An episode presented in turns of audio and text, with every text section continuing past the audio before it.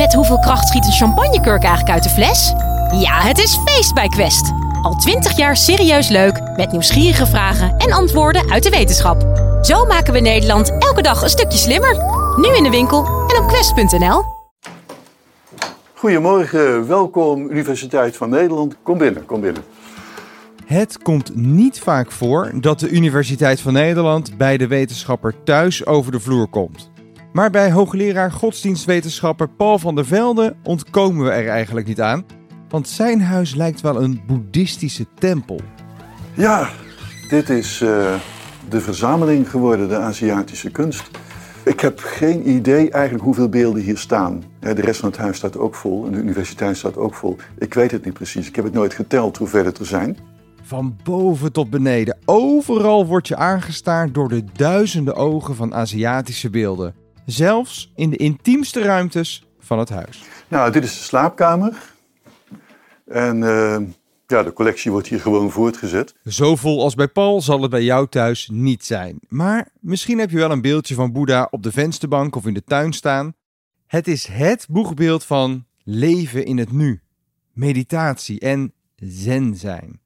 Maar dat beeld schopt Paul in deze aflevering omver. Kijk, als mensen met boeddhisme een heleboel kunnen, is dat helemaal prachtig. Vooral doen.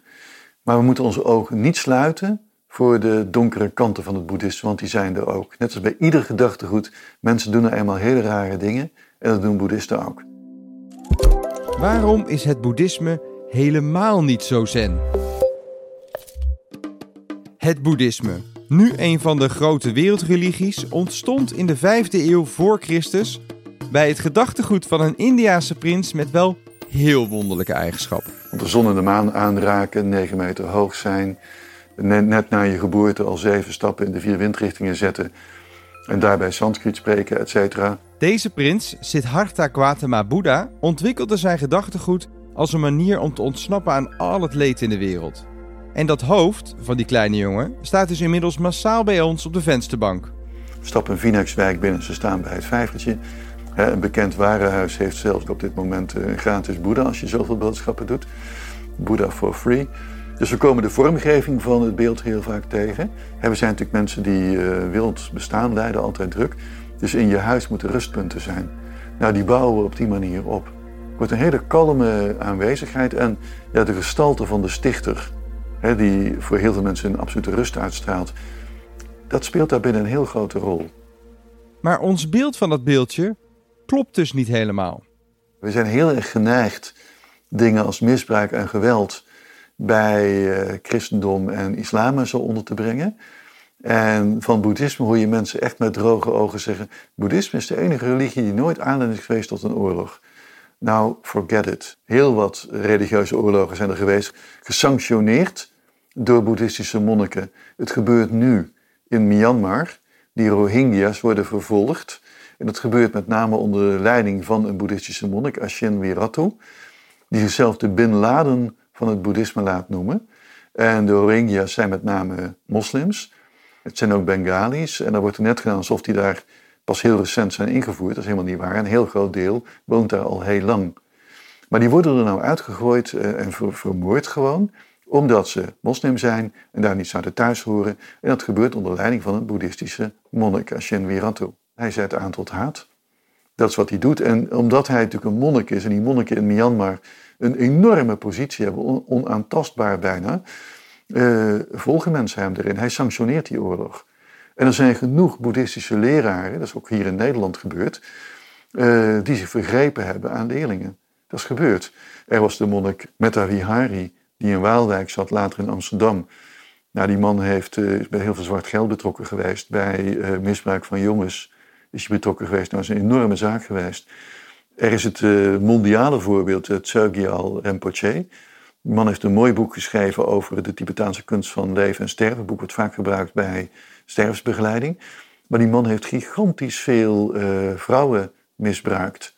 En echt op behoorlijk gewelddadige manier. Toch merk ik dat mensen hem verdedigen. En dat, dat verbaast mij dan. En dat speelt niet alleen nu. Want waar christenen in de middeleeuwen ook plunderend door Europa en het Midden-Oosten trokken in naam van de paus, gebeurde dat in Azië ook bij de boeddhisten. De vijfde Dalai Lama had enorme legers waarmee hij optrok naar Centraal Tibet met steun van Mongolen en Chinezen. En dat wordt heel makkelijk wordt dat terzijde geschoven.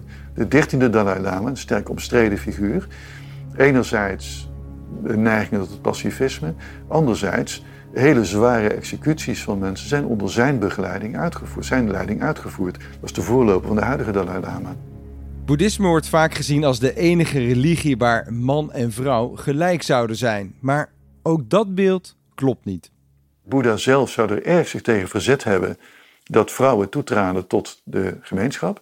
De hoogste non staat onder het laagste jongetje. Dus een jongetje dat net drie dagen geleden is geïnitieerd, staat boven een non die 30 jaar bij de Sangha zit. En Sangha is de gemeenschap hè, monniken en nonnen. Uh, doneren aan uh, nonnen geeft minder karmische verdiensten dan doneren aan monniken. Dat is in Azië tot op de dag van vandaag is dat zo. Ja, er wordt heel selectief met die bronnen omgegaan in het Westen. En als hier in het Westen mannen en vrouwen elkaar gelijk zijn binnen het boeddhisme, nou prima, uh, doen. Maar als mensen zeggen, want binnen het boeddhisme zijn man en vrouw gelijk, ho, dat is niet waar. Dat is niet de praktijk. Hoe het komt dat wij in het Westen zo'n ander beeld van het boeddhisme hebben, hebben we te danken aan de jaren 60 en 70. Toen gingen duizenden jongeren per bus over land richting India via de Hippie Trail. De hippies van de jaren 60 die reisden naar Azië toe, kwamen in contact met Hindoe-leermeesters, met de beroemde goeroes, maar ook met boeddhistische monniken. Belanden in Dharamshala, waar de Dalai Lama zat. En die monniken zagen al vrij snel we moeten ze niet belasten met nog meer boeken. Ze hebben al zoveel gelezen, zak al uit hun hersens. Nee, laat ze maar dingen doen om die gestreste geest tot rust te brengen. Die hippies werden dus flink aan de meditatie gezet. En het is zo dat veel van die meditatieoefeningen, die hebben als bijverschijnsel dat de gestreste geest inderdaad tot rust komt. Nou, daar komt onze mindfulness voor een groot deel uit voort. Daarna krijg je natuurlijk de, de, de uitkristallisering. Want je kunt niet zeggen dat de huidige mindfulness-docenten dat het allemaal hippies zijn. Dat is niet zo. Het gedachtegoed kwam toen natuurlijk naar het Westen toe. De vraag is natuurlijk: is het erg dat we hier in het Westen anders naar het boeddhisme kijken dan in Azië? Ik heb er totaal geen moeite mee dat we er selectief mee omgaan.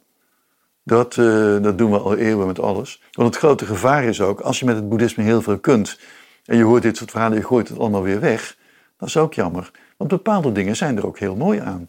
Ja, bijvoorbeeld die, die, die mindfulness of zen-therapieën, waarmee mensen een burn-out aan kunnen en leren hanteren en weten te voorkomen dat een burn-out ontstaat, ja, daar is niks mis mee.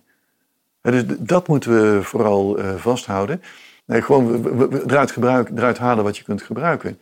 En dat is dan maar selectief. Ja. En voor wie na deze donkere kanten van het boeddhisme behoefte heeft aan wat balsem voor de ziel, heeft Paul nog een mooie boeddhistische wijsheid. Ja, boeddhisten zelf zeggen heel vaak aan het eind Sarvesha Mangalaya. Mogen alle voelende wezens gelukkig zijn. Dat vind ik op zich altijd een heel mooi uh, uitgangspunt.